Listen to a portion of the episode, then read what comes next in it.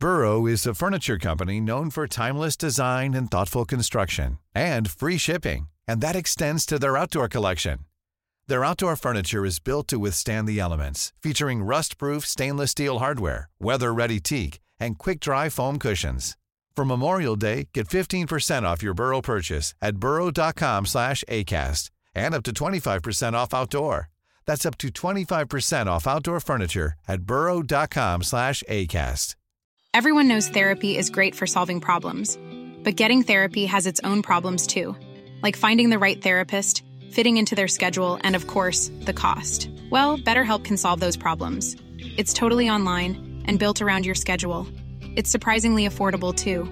Connect with a credentialed therapist by phone, video, or online chat, all from the comfort of your home. Visit betterhelp.com to learn more and save 10% on your first month. That's BetterHelp H E L P. Millions of people have lost weight with personalized plans from Noom, like Evan, who can't stand salads and still lost 50 pounds. Salads, generally, for most people, are the easy button, right? For me, that wasn't an option. I never really was a salad guy. That's just not who I am. But Noom worked for me. Get your personalized plan today at Noom.com. Real Noom user compensated to provide their story. In four weeks, the typical Noom user can expect to lose one to two pounds per week. Individual results may vary. Generaler, admiraler, kjære hver og en. Hjertelig velkommen til eh, vårsemesterets nest siste møte i eh, Oslo Militære Samfunn. Sett av lørdag 11. juni. Da eh, fortsetter vi tradisjonen med vår årvisse sommerutflukt. Alltid hyggelig, alltid interessant. Og i år har vi fått lov til å besøke Det norske vitenskapsakademi i Drammensveien 78.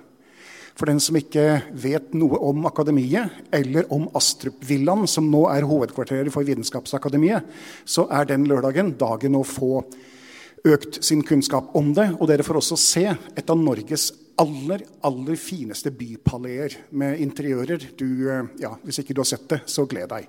Selvfølgelig en hyggelig lunsj og en fin lørdag. Og kun 50 plasser.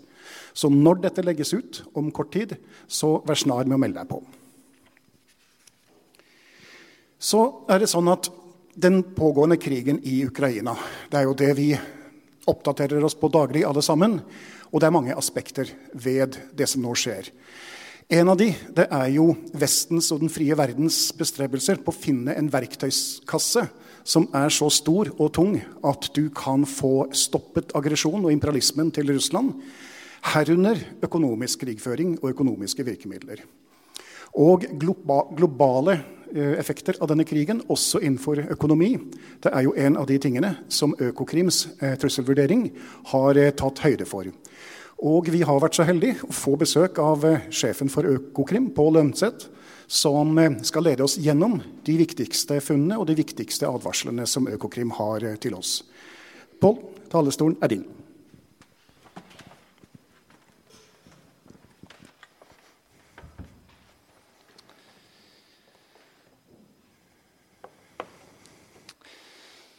Tusen takk, ærede forsamling. Eh, veldig fint å være her og kunne snakke om eh, denne trusselvurderingen som vi utgir eh, annethvert år. Eh, hvor vi, eh, basert på vår etterretning eh, og den informasjonen som vi har inn til oss i Økokrim, da analyserer, setter sammen og analyserer og lager da en eh, trusselvurdering som, som offentligheten kan bruke i sitt arbeid for å forebygge kriminalitet. I Økokrim driver jo kriminalitetsbekjempelse i to spor. Eh, det ene er tradisjonell politietterforskning og straffeforfølgning. Eh, det andre sporet, som blir viktigere og viktigere for oss, er forebygging. Og for at vi skal kunne forebygge økonomisk kriminalitet og miljøkriminalitet, som er vårt mandat, så er det veldig viktig å sette sammen og analysere disse truslene, som jo er risikoer sett fra et annet perspektiv. Slik at uh, aktørene ute i, i, samfunnet, både i offentlig og privat sektor, kan oi, beklager, settes i stand til å settes i stand til å mitigere de truslene som, som er der. Da Økokrim ga ut sin trusselvurdering i 2020, så var det ved utbruddet av koronapandemien. Og noen av de truslene som vi, eh, og vurderingene som vi da ga uttrykk for, relatert til pandemiens innvirkning på kriminalitetsbildet, det har, vi, har slått til. Mens andre trusler vi den gang omtalte, ikke har slått uh, så mye til. Og vi håper jo at grunnen til at det ikke har slått så mye til, er fordi vi snakket offentlig om disse truslene og i så måte satte samfunnet i stand til på en bedre måte å, å mitigere de truslene. Vi knytter de beskrevne truslene til trender som også er drivere for kriminalitetsbildet innenfor Økokrims ansvarsområde, som også både er økonomisk kriminalitet og miljøkriminalitet. Trendene vi beskriver, er krig og polarisering. Det er bærekraft. Det er virtualisering. Og det er noe som kalles glokalisering, et fenomen som beskriver at globaliseringen fortsetter, men gjør seg utslag i loka lokale forhold. Og det er Økokrims eh, etterretnings- og analyseansatte som har jobbet med dette. Men jeg vil benytte anledningen også til å takke eh, for så vidt våre samarbeidspartnere både i privat og offentlig sektor som har bidratt inn med med informasjon som, eh, som, som er en del av grunnlaget for de vurderingene vi gjør. Jeg skal gå gjennom denne trusselvurderingen løpende. Det er en del informasjon. Jeg håper på å holde på i, sånn i rundt tre kvarter, og så er jeg tilgjengelig for spørsmål og oppfølginger etterpå. Og jeg skal gå gjennom det relatert til de trendene som uh, vi ser. Krig og polarisering. Krigen i Ukraina har økt polariseringen mellom øst og vest. Og den polariseringen preger utviklingen i verden i dag. Krigen i Ukraina vil få dramatiske konsekvenser for Europa og føre til varige endringer i verdenssamfunnet. Krigen har også ført til store strømmer av migranter inn i europeiske land. I tillegg har den spente sikkerhetssituasjonen som dere kjenner godt til i verden, aktualisert betydningen av det som ble nevnt innledningsvis, altså åpningen, dette vi kaller sammensatte trusler. Altså bruk av ulike trusler som ikke er militære i sin form, men som eh, kan ha strategisk betydning for vår sikkerhet. Krigen påvirker matvareforsyning og energitilganger i land på flere kontinenter. En presset forsyningssituasjon og økte priser som følge av dette kan utløse sosial og politisk uro i andre deler av verden. Og Sanksjonene mot Russland og russiske borgere viser hvordan midlene og kanalene som benyttes til å utøve makt, endres. Og hvilke omfattende konsekvenser slike sanksjoner får langt utover enkeltaktører og land. Sanksjoner mot Russland aktualiserer også utfordringer knytta til sekretessejurisdiksjoner, eller såkalt skatteparadiser, som også noen omtaler det som, som er land med gunstig beskatning, lite regulering og åpenhet om eierforhold for bankkonti og alle selskaper. Og det er spesielt denne manglende transparensen som i, for politi og påtalemyndighet er den utfordrende eh, delen av det bildet. I Norge er nordområdene vårt viktigste strategiske interesseområde. Den sivile og militære aktiviteten i området forventes å øke, og nordområdene vil trolig få en større strategisk betydning og en stadig viktigere rolle. Sektorsatsing, opprettholdelse av norsk bosetting og eierskap til infrastruktur og kontroll over naturressursene på Svalbard er, blir viktig i årene fremover. Bruken av sosiale medier har demokratisert informasjonsproduksjonen i samfunnet. Hvilket betyr at flere deltar i produksjonen av informasjon og nyhetsbilder som unge voksne forholder seg til, og det er i mindre grad kvalitetssikret av redaktørstyrte medier. I USA har falske nyheter og informasjonskampanjer blitt brukt til å øke polariseringen i befolkningen. Falske nyheter og desinformasjon benyttes også aktivt i Ukraina-konflikten.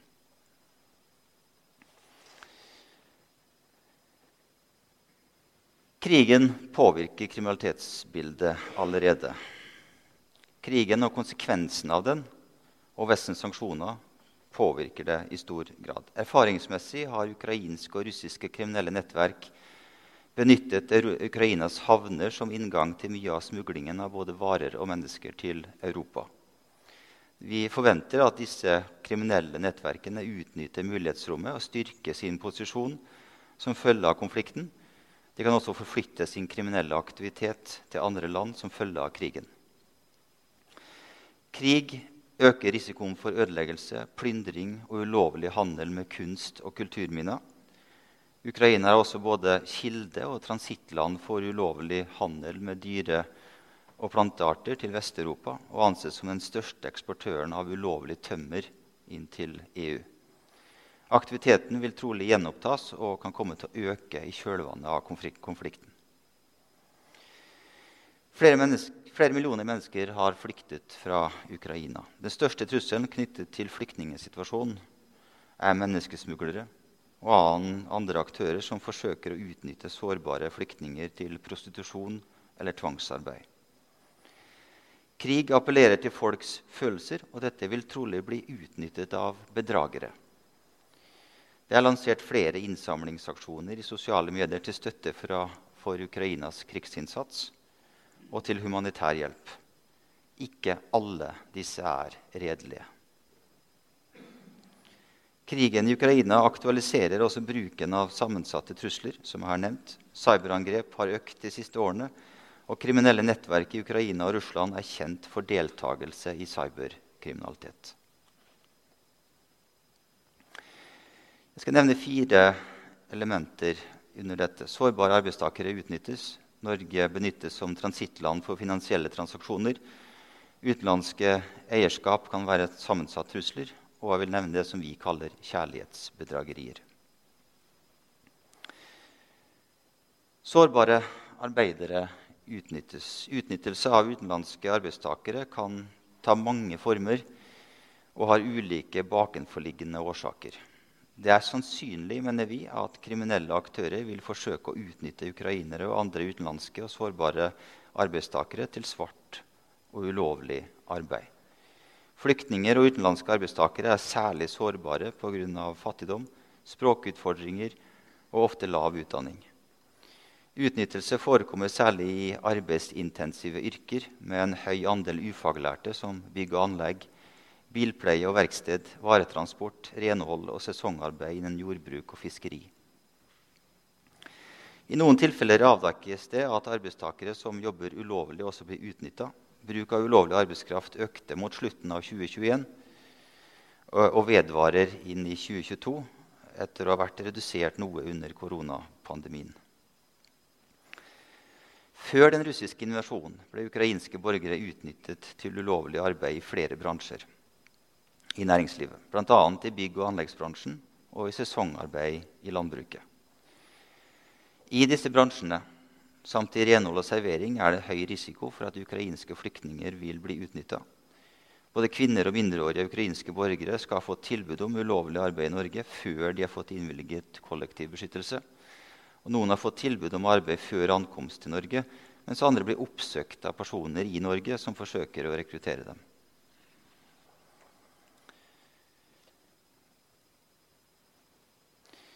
En måte for utenlandske aktører å legitimere pengestrømmer på er å bruke norske finansinstitusjoner til å gjennomføre transaksjoner.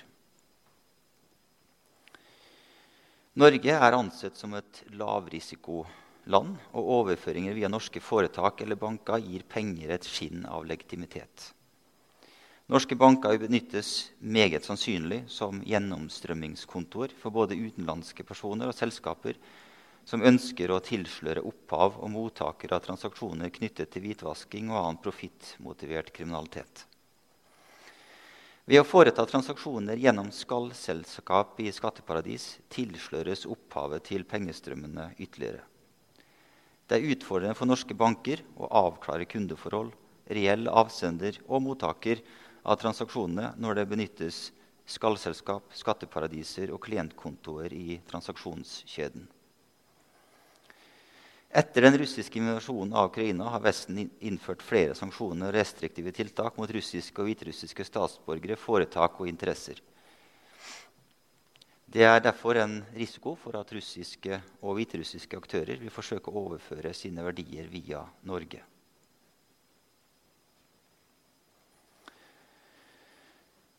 Sammensatte trusler kan forstås som statlige eller ikke-statlige aktørers trusler om eller bruk av en kombinasjon av ulike virkemidler for å utnytte sårbarheter, skape sosial uro og oppnå bestemte politiske eller strategiske mål. Det er sannsynlig at fremmede stater vil forsøke å investere i norske eiendommer, verdipapirer og næringsliv for å få tilgang til informasjon og innflytelse det ikke er i Norges interesse at de får. Hvorvidt utenlandsk eierskap kan utgjøre en trussel, påvirkes av en rekke forhold. Bl.a. hvilken tilgang til ressurser og teknologi eierskapet gir. Norske bedrifter er attraktive mål fordi de tilbyr varer og tjenester, teknologi og kompetanse som er viktig for andre stater. Dette kan motivere til utenlandske oppkjøp og investeringer, der den reelle investoren er fremmede stater som har som mål å infiltrere, overvåke, spionere og sabotere varer, tjenester og funksjoner som er kritiske for samfunnet, økonomien og forsvaret vårt. Utenlandske investeringsfond kan gjøre kjøp i verdipapirmarkedet som gir kontroll og innflytelse i et foretak. Dette kan f.eks. brukes for å få tilgang til teknologi og kompetanse, påvirke beslutningstakere eller for å sabotere selskapet og på den måten redusere vertslandets kapabiliteter.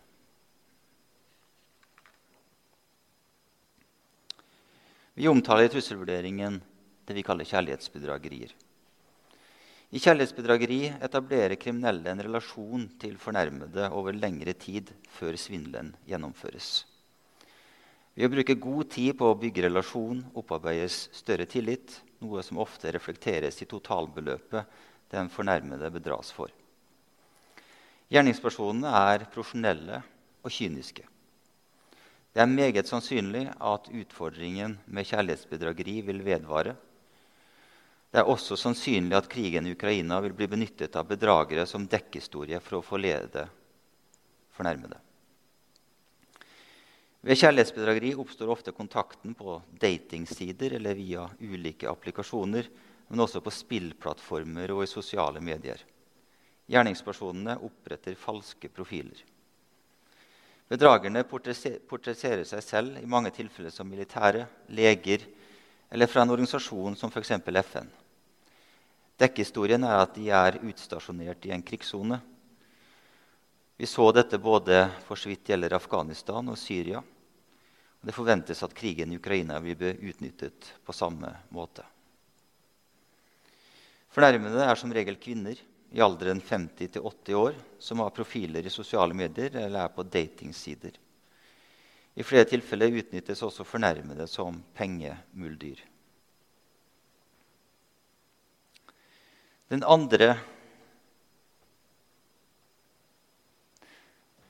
Den andre driveren er bærekraft.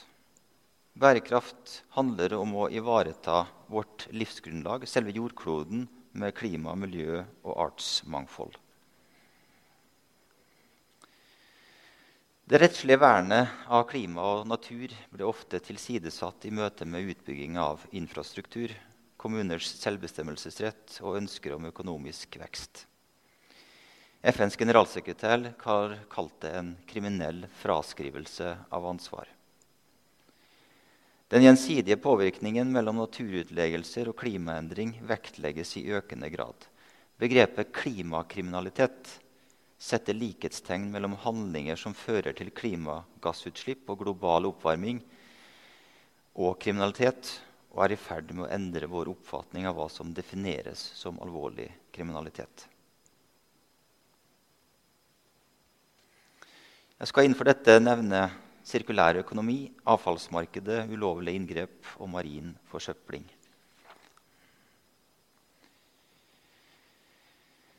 Sirkulær økonomi og resirkulering av materialer blir stadig viktigere innenfor bransjer som oljesektoren, shipping, fiskeri- og havbruksnæringen og byggenæringen. Foretakene ønsker imidlertid å avvikle utrangerte fartøy, installasjoner og bygg på billigst mulig måte. Det er derfor sannsynlig at enkelte norske aktører vil forsøke å omgå lover og retningslinjer for å redusere kostnader. Avvikling av offshoreinstallasjoner og skip kan i årene fremover bli en vesentlig miljøtrussel dersom ikke de strenge miljø- og sikkerhetskravene som gjelder for slikt arbeid, følges. Et norsk foretak er så langt anmeldt i 2022 for uforsiktig omgang med eksplosiver og ulovlig sprenging i friluft i forbindelse med hogging av en utdatert oljeinstallasjon. Skipsopphugging er en annen i utgangspunktet miljøvennlig industri som bidrar til bærekraftig utvikling, men antallet norskeide utrangerte skip som blir ulovlig hugget opp på strendene i Bangladesh, India og Pakistan, har økt siden 2015. Økokrim har etterforsket saker på dette, og i 2020 ble et norsk rederi dømt for å ha forsøkt å eksportere et skip til ulovlig opphugging. Skipet var på vei til Ghadani i Pakistan da det fikk motorhaveri og kom i drift utenfor norskekysten. Det er første gang Norge har stoppet, arrestert og straffet et rederi for slik kriminalitet.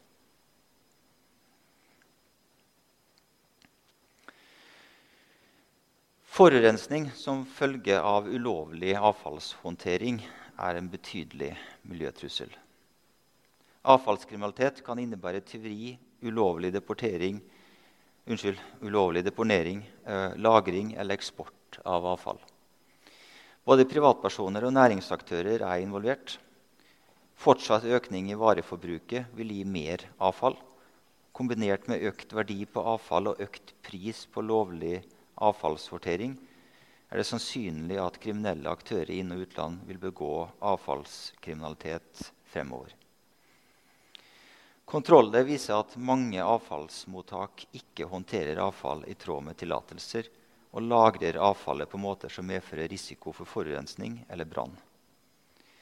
En rekke straffesaker fra senere år viser at avfallsbransjen er en bransje med særlig høy risiko for miljøkriminalitet. Tyveri fra returpunkter for elektronisk avfall er et problem i flere norske byer, til tross for at mange elektronikkbutikker nå sikrer disse avfallene i containere. I Oslo-området begås tyveri av ulovlig, og ulovlig eksport av e, det vi kaller EE-avfall, altså elektroniske artikler, av både fastboende nettverk og utenlandske grensependlere. GPS-sporing av E-avfallet som eksporteres, dokumenterer at produkter fra Norge ender opp i Nigeria, Romania og Litauen. Ulovlig eksport av avfall er grensekryssende miljøkriminalitet som kan få alvorlige konsekvenser for både mennesker og natur i de landene avfallet eksporteres til. Kriminaliteten fremstår som godt organisert, og flere av aktørene er gjengangere.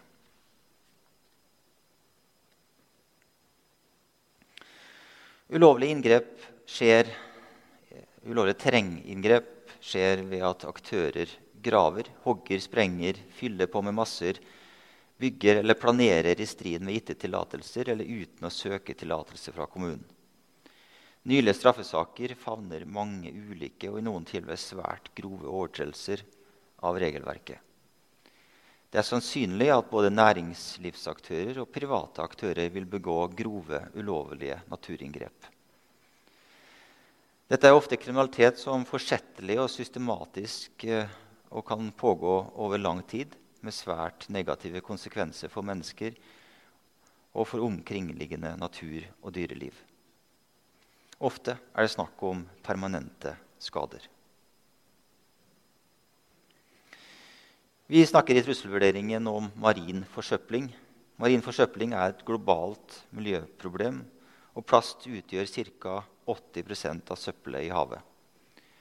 I Norge er fiskeri- og havbruksnæringen samt forbrukere de viktigste kildene til plastavfall i havet. Det er sannsynlig at marin forsøpling vil øke med mer utstrakt næringsvirksomhet i og knyttet til havet. En betydelig del av den marine forsøplingen i Norge er brudd på forurensningsloven og påvirker mange organismer og store, gir store skader og lidelser. Dessverre er oppdagelsesrisikoen lav, og mye av avfallet i sjøen stammer i tillegg fra foretak som gjentar handlingene selv etter å ha blitt ilagt sanksjoner.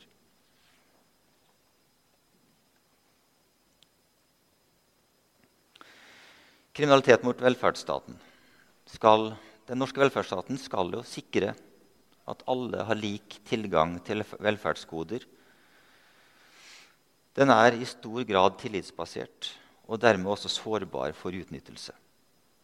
Skatte- og avgiftskriminalitet, misbruk av offentlige støtteordninger og korrupsjon truer finansieringsgrunnlaget for den norske velferdsstaten.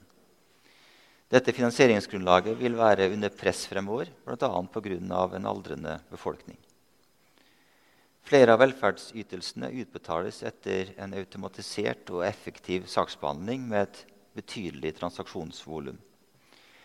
I forbindelse med, koronasituasjonen ble det etablert en rekke midlertidige statlige støtteordninger som ble utnyttet av kriminelle aktører. Etterforskning avdekket at et fåtall personer har god innsikt i rapportering og kontrollfunksjoner, slik at de evner å manipulere de automatiserte saksbehandlingsprosessene og tilegne seg velferdsytelser på uriktig grunnlag. Korrupsjon rammer også velferdsstaten ved at den fratar politiske, sosiale og økonomiske goder fra befolkningen. Den kan også hindre økonomisk utvikling og innebære en økt risiko uh, og økte kostnader for næringslivet. Jeg skal nevne her fiskerikriminalitet og svart omsetning av matvarer, skatte- og avgiftsunndragelser i arbeidslivet og korrupsjon i kommunal sektor. Fiskerikriminalitet Norsk sjømat er Norges nest største eksportvare etter olje og gass og er en svært viktig ressurs å verne om.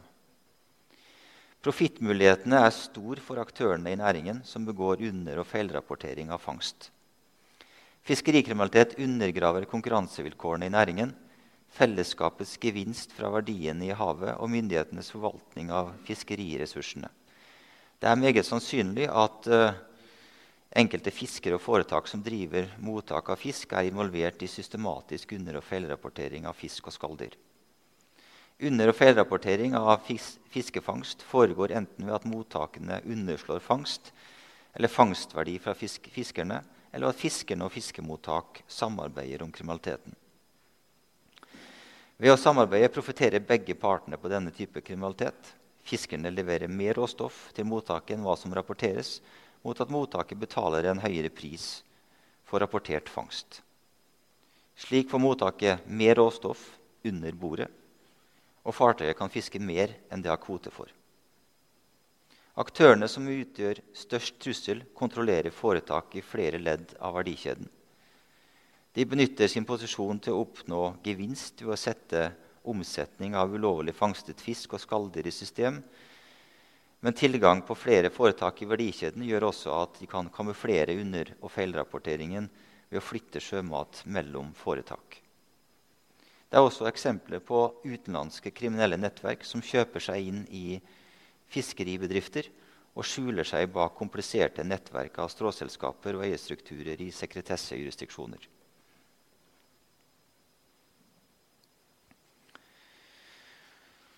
Norge er rikt på både sjømat og vilt, og dette er ettertraktede varer både her hjemme og utenlands. Det er sannsynlig at svart omsetning av matvarer, og da spesielt skalldyr og vilt, vil øke.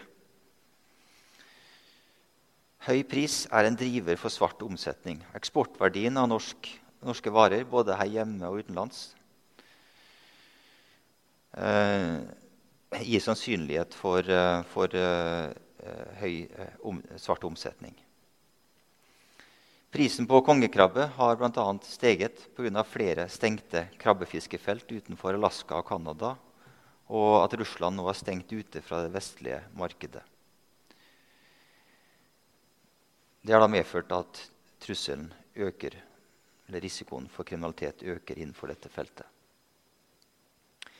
Europol trekker fram matsikkerhet som en økende bekymring i Europa. Ikke bare kan det utgjøre en helserisiko å innta matvarer en ikke helt vet hvordan er blitt behandla, men det kan også redusere tilliten til aktører som selger tilsvarende matvarer legalt. I tillegg er svart omsetning og konkurransevridende i og med at aktørene ikke skatter av omsetningen, og slik sett kan tilby matvaren til en langt billigere pris enn de som driver lovlig.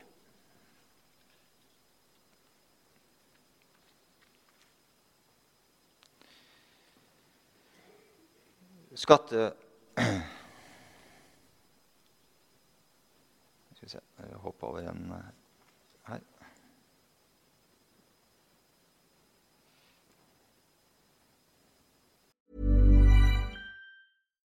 Millions of people have lost weight with personalized plans from Noom, like Evan, who can't stand salads and still lost 50 pounds. Salads, generally, for most people, are the easy button, right? For me, that wasn't an option. I never really was a salad guy. That's just not who I am. But Noom worked for me. Get your personalized plan today at Noom.com. Real Noom user compensated to provide their story. In four weeks, the typical Noom user can expect to lose one to two pounds per week. Individual results may vary. Everyone knows therapy is great for solving problems, but getting therapy has its own problems too, like finding the right therapist, fitting into their schedule, and of course, the cost. Well, BetterHelp can solve those problems. It's totally online and built around your schedule. It's surprisingly affordable too. Connect with a credentialed therapist by phone, video, or online chat, all from the comfort of your home. Visit betterhelp.com to learn more and save 10% on your first month.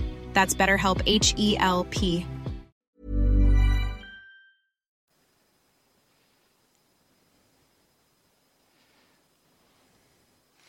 Skatte- og avgiftskriminalitet begås av både enkeltpersoner og selskaper. Det er meget sannsynlig at svart avlønning og skjult omsetning vil fortsette å være utbredt på tvers av bransjene i arbeidslivet, fordi slike kriminelle handlinger gir høy profitt, og oppdagelsesrisikoen er lav. Skatte- og avgiftskriminalitet er den mest utbredte formen for arbeidslivskriminalitet og er hyppigst rådende innen bygg- og anleggsbransjen. Slik kriminalitet foregår like fullt på tvers av bransjer i næringslivet og omfatter svart avlønning av arbeidstakere og skjult omsetning i foretakene. Svart avlønning setter arbeidstakerne i en sårbar situasjon fordi de ikke opptjener rettigheter til stønader fra Nav ved sykdom, skade eller arbeidsløshet. Under nasjonale tverretatlige kontroller i varebilbransjen i forbindelse med Blackweek høsten 2021 ble det avdekket restanse på merverdiavgift på til sammen 20 millioner kroner, basert på om lag 100 kontrollerte virksomheter. En annen metode for å unndra beskatning i Norge er å skjule verdier i såkalte skatteparadis. Skatteparadiser benyttes lovlig av norske selskaper, men kan også benyttes av aktører som ønsker å skjule verdier for å unndra skatt.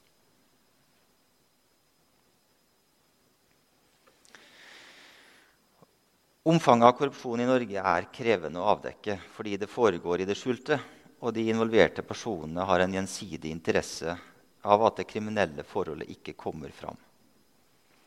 Derfor er både mottaker og giver av bestikkelser eller andre fordeler interessert i å holde handlingen skjult. Selv om avdekket korrupsjonsomfang i kommunal sektor er lite, viser etterforskning at det er sannsynlig at det foregår, og at slik kriminalitet kan pågå uoppdaget i flere år. Det er sannsynlig at korrupsjonsrisikoen er størst i forbindelse med anbudsrunder og tildeling av tillatelser. Norske kommuner preges av tette forbindelser hvor de ansattes økonomiske interesser og private relasjoner kan føre til interessekonflikter, habilitetsproblematikk eller i verste fall korrupsjon. Det har i de senere årene blitt etterforsket flere korrupsjonssaker på administrativt nivå i kommunale etater, bl.a. annen tilknytning til offentlige anskaffelser. Korrupsjon i kommuner oppstår ofte i forbindelse med reguleringsprosesser av eiendommer og landbruks-, natur- og friluftsområder under utbygging. Korrupsjon i kommunal sektor kan få alvorlige konsekvenser for både natur, næringsliv og befolkningens tillit til offentlig sektor.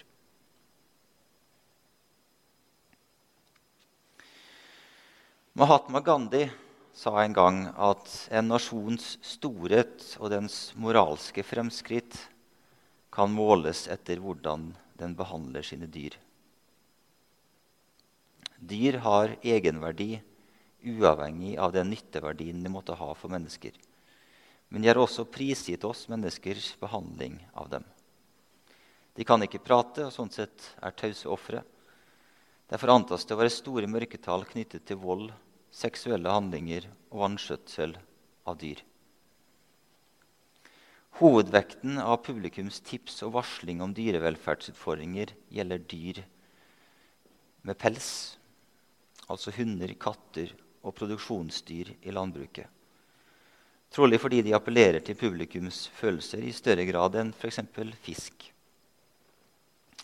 Det er likevel verdt å trekke fram Veterinærinstituttets årlige fiskerihelserapport, som ettertrykkelig kritiserer havbruksnæringen for manglende dyrevelferd. Rekordhøye 54 millioner oppdrettslaks døde før slaktetidspunkt i 2021.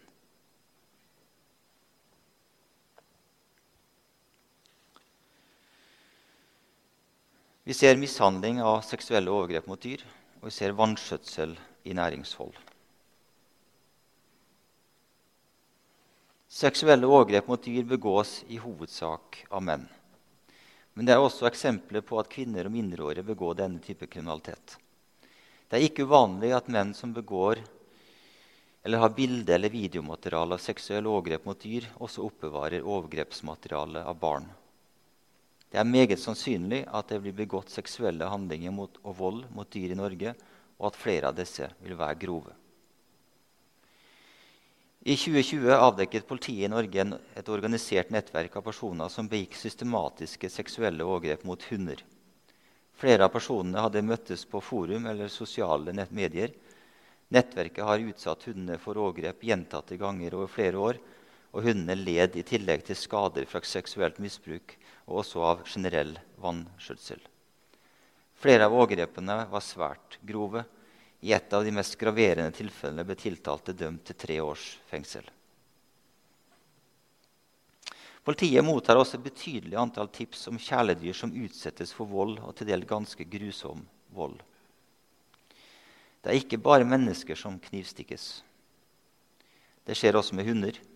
Katter blir urovekkende ofte skadeskutt eller torturert. Ofte dreier det seg om personer med et rusmisbruk eller psykiske lidelser som enten mishandler hunder eller katter. Enkelte utøvere også, utøver også vold mot kjæledyr for å være slem mot familiemedlemmer. En ny norsk studie har funnet at 4% av forespurte barn 4% har opplevd at en forelder var voldelig mot kjæledyr i familien, og fant en betydelig overlapp mellom mishandling av kjæledyr og barnemishandling. Dette understreker hvordan man kan avdekke og forebygge vold mot mennesker når det ved første øyekast bare er et kjæledyr som slås.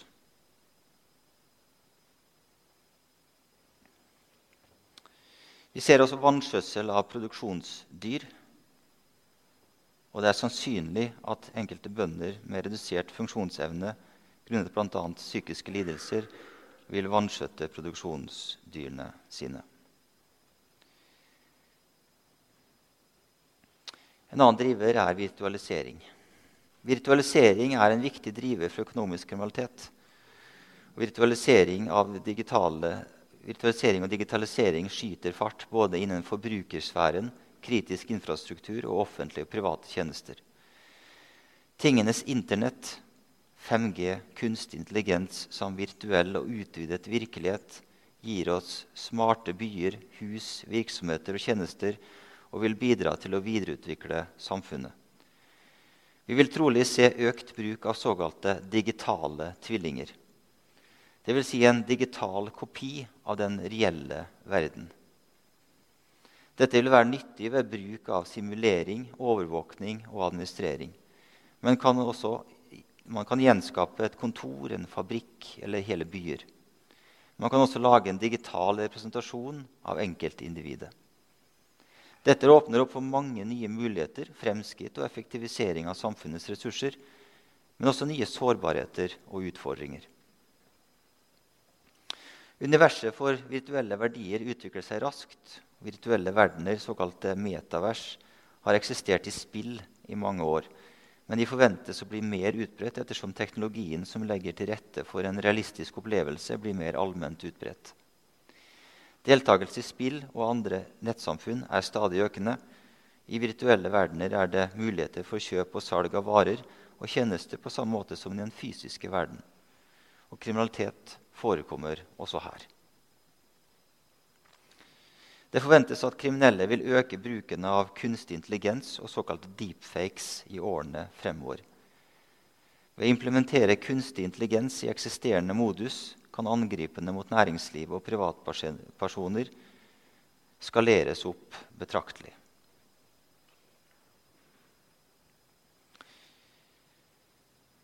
Virtualisering av samfunnet har skapt nye muligheter for kriminelle. Kriminaliteten i de virtuelle rom skjer uten fysisk kontakt, på nye arenaer, gjerne ved bruk av falsk eller stjålet identitet.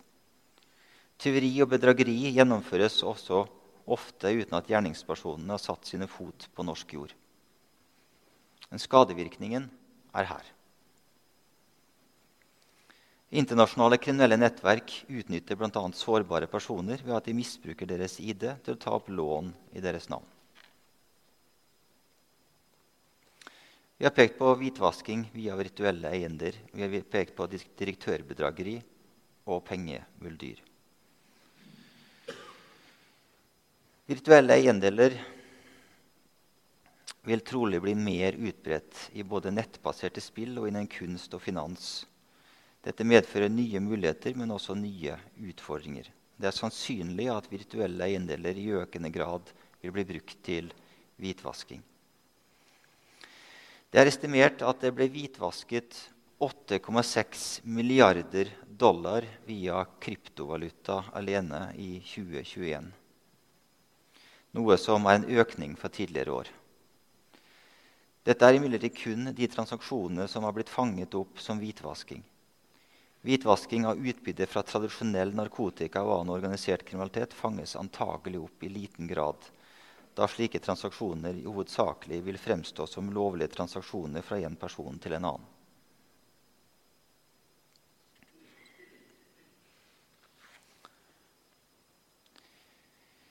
Direktørbedrageri der utgir bedragerne seg for å være en leder og kontakter medarbeidere i en virksomhet eller en forening for å manipulere dem til å overføre en større sum penger eller godkjenne utbetalinger. Det er meget sannsynlig at ny tilgjengelig teknologi som deepfake vil bli benyttet i økt omfang ved forsøk på direktørbedrageri mot større foretak. Deepfake for de som ikke har hørt om det før, er altså en teknologi hvor du kan manipulere både bilder, lyd og video, slik at det fremstår som at den personen som snakker eller er på videoen, er helt naturlig og reell. Men det som sies, er helt falskt. Hvert år så taper norske virksomheter over 100 millioner i flere tilfeller i disse direktørbedrageriene.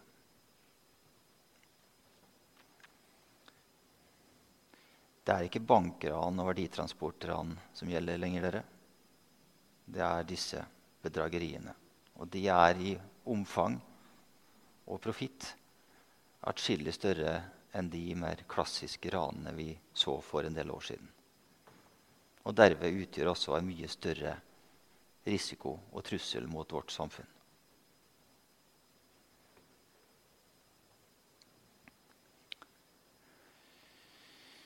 Med pengemuldyr mener de person, mener, menes de personer som mottar penger digitalt eller i kontanter fra én person og overfører dem videre til en annen mot betaling. Pengemuldyr benyttes særlig i tilknytning til digital vinningskriminalitet. Og Det er derfor sannsynlig at vi vil se en økning også i bruken av pengemuldyr i Norge de neste årene. Bruk av pengemuldyr er et økende problem i mange land. Økokrim opplever et antall rapporteringer om pengemuldyr eh, at de har økt de siste fem årene.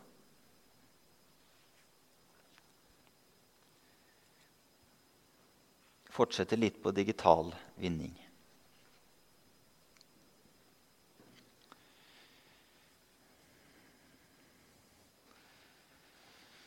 Investeringsbedragerier innebærer at man blir forledet til å investere i prosjekter eller produkter som er verdiløse eller ikke-eksisterende.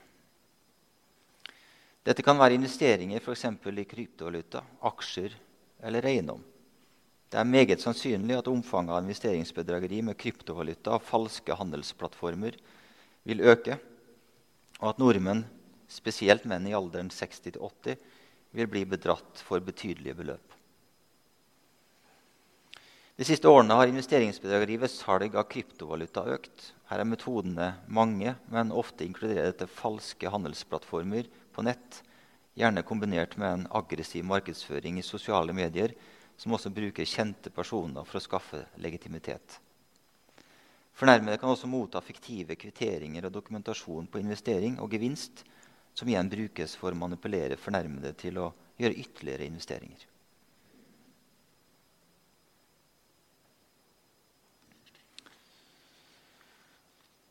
bank-ID-bedrageri vurderer vi som meget sannsynlig at kriminelle aktører fortsetter å vil bruke, og retter seg også særlig inn mot eldre, samtidig som ny teknologi vil gjøre denne typen bedrageri mer effektivt også overfor andre grupper.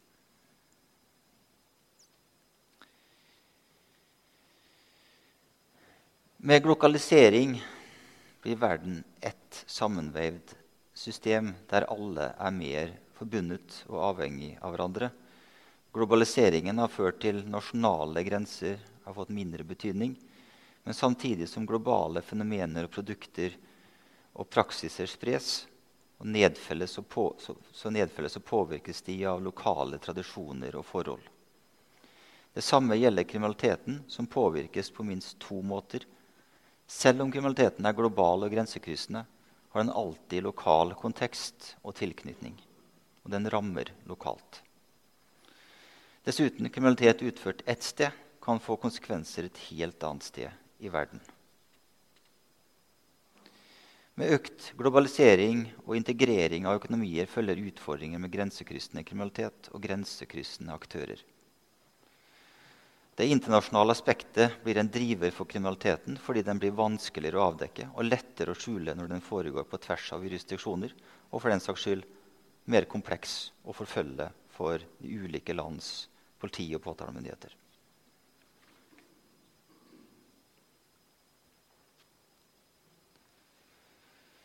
Jeg skal omtale noen forhold. Kriminalitet knyttet til det grønne skiftet. Både Norge og resten av verden står overfor en voldsom omstilling der energisystemet skal forvandles til fornybare kilder for å kutte utslipp av klimagasser og nå målene i Parisavtalen. Innovasjon og teknologiutvikling står sentralt for realisering av nye lavutslippsløsninger og fornybar energi. Det vil kreve store investeringer, og vi ser allerede hvordan finansverden veves sammen med den grønne sektoren. Statlige insentivordninger og anbudskonkurranser knyttet til det grønne skiftet vil meget sannsynlig bli utnyttet av norske og utenlandske kriminelle aktører.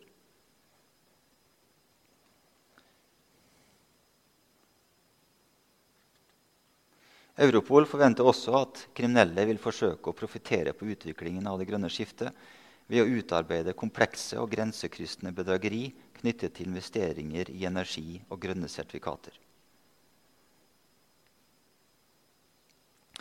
Det er primært staten som lider økonomisk tap dersom noen tilegner seg offentlig støtte på uriktig grunnlag. Men det kan også føre til redusert utbygging av fornybar energi. Stort misbruk av insentivordninger kan også undergrave troverdigheten til viktige miljøtiltak og være konkurransevridende.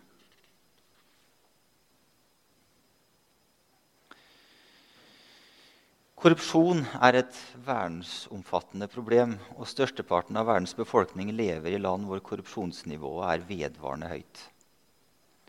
Europol mener at 60% av kriminelle nettverk i Europa begår korrupsjon. De benytter korrupsjon for å oppnå påvirkningskraft og til å infiltrere både offentlig og privat sektor. Det er sannsynlig at økt konkurranse om ressurser og knapphet på fraktkapasitet vil øke risikoen for korrupsjon i tilknytning til norske selskaper i utlandet.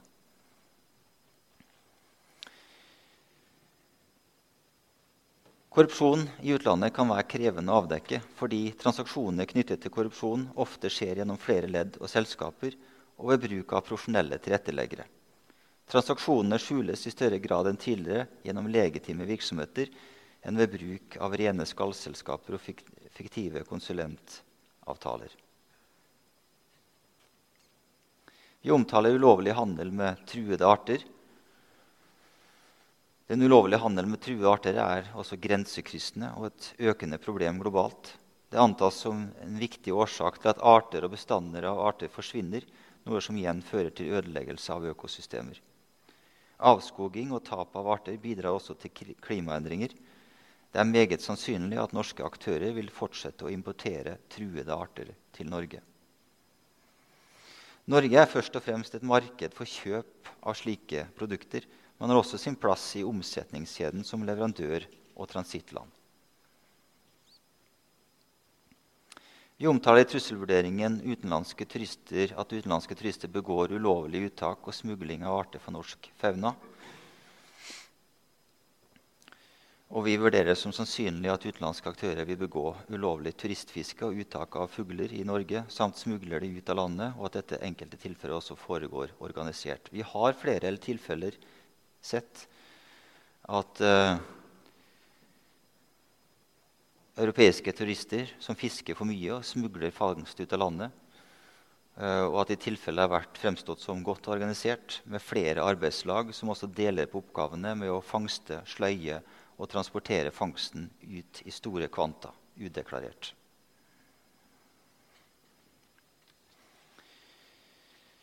Det har etablert seg kriminelle nettverk i næringslivet. Både ved å opprette egne foretak utøve innflytelse over beslutninger i foretak eller ved bruk av tilretteleggere i næringslivet. Ifølge Europol benytter nå mer enn 80% av de kriminelle nettverkene i EU-land eh, EU legale selskapsstrukturer i utøvelsen av kriminalitet.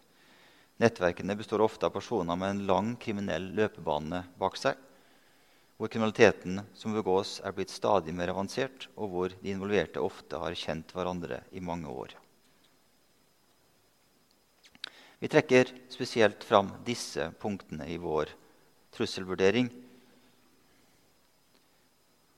Det er bransjer nå som preges av kriminelle aktører. De siste årene har flere nye bransjesegmenter med ufaglært arbeidskraft vokst fram.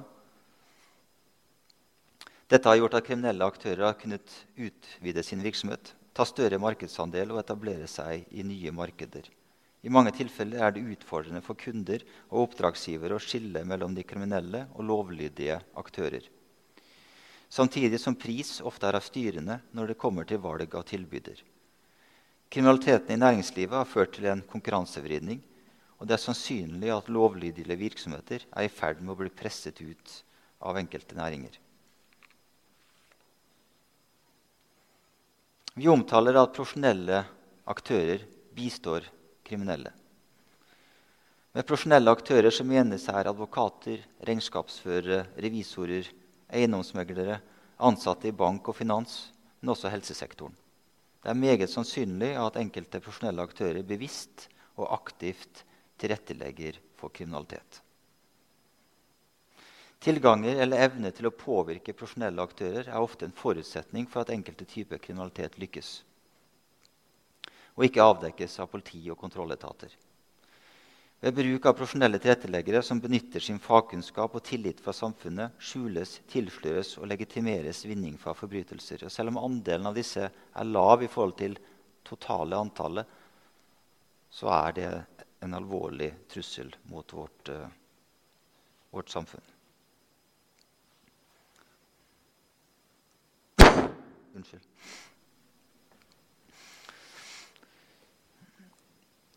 Stråpersoner kamuflerer kriminelle bakmenn. Vi vurderer som sannsynlig at bruken av stråpersoner vil øke pga. automatisering i samfunnet og økt mulighet for ID-bedragerier. Stråpersoner benyttes av kriminelle aktører med den hensikt å skjule et foretaks reelle eierskap, omgå regelverk, minske oppdagelsesrisiko og unngå straffeoppfølging. Det er sannsynlig at bruken av stråpersoner vil øke pga. automatisering i samfunnet og økt bruk, mulighet for ID-bedragerier. Dette er ytterligere aktualisert gjennom, eh, gjennom sanksjon, de sanksjonene vi nå ser mot russiske interesser og foretak og personer.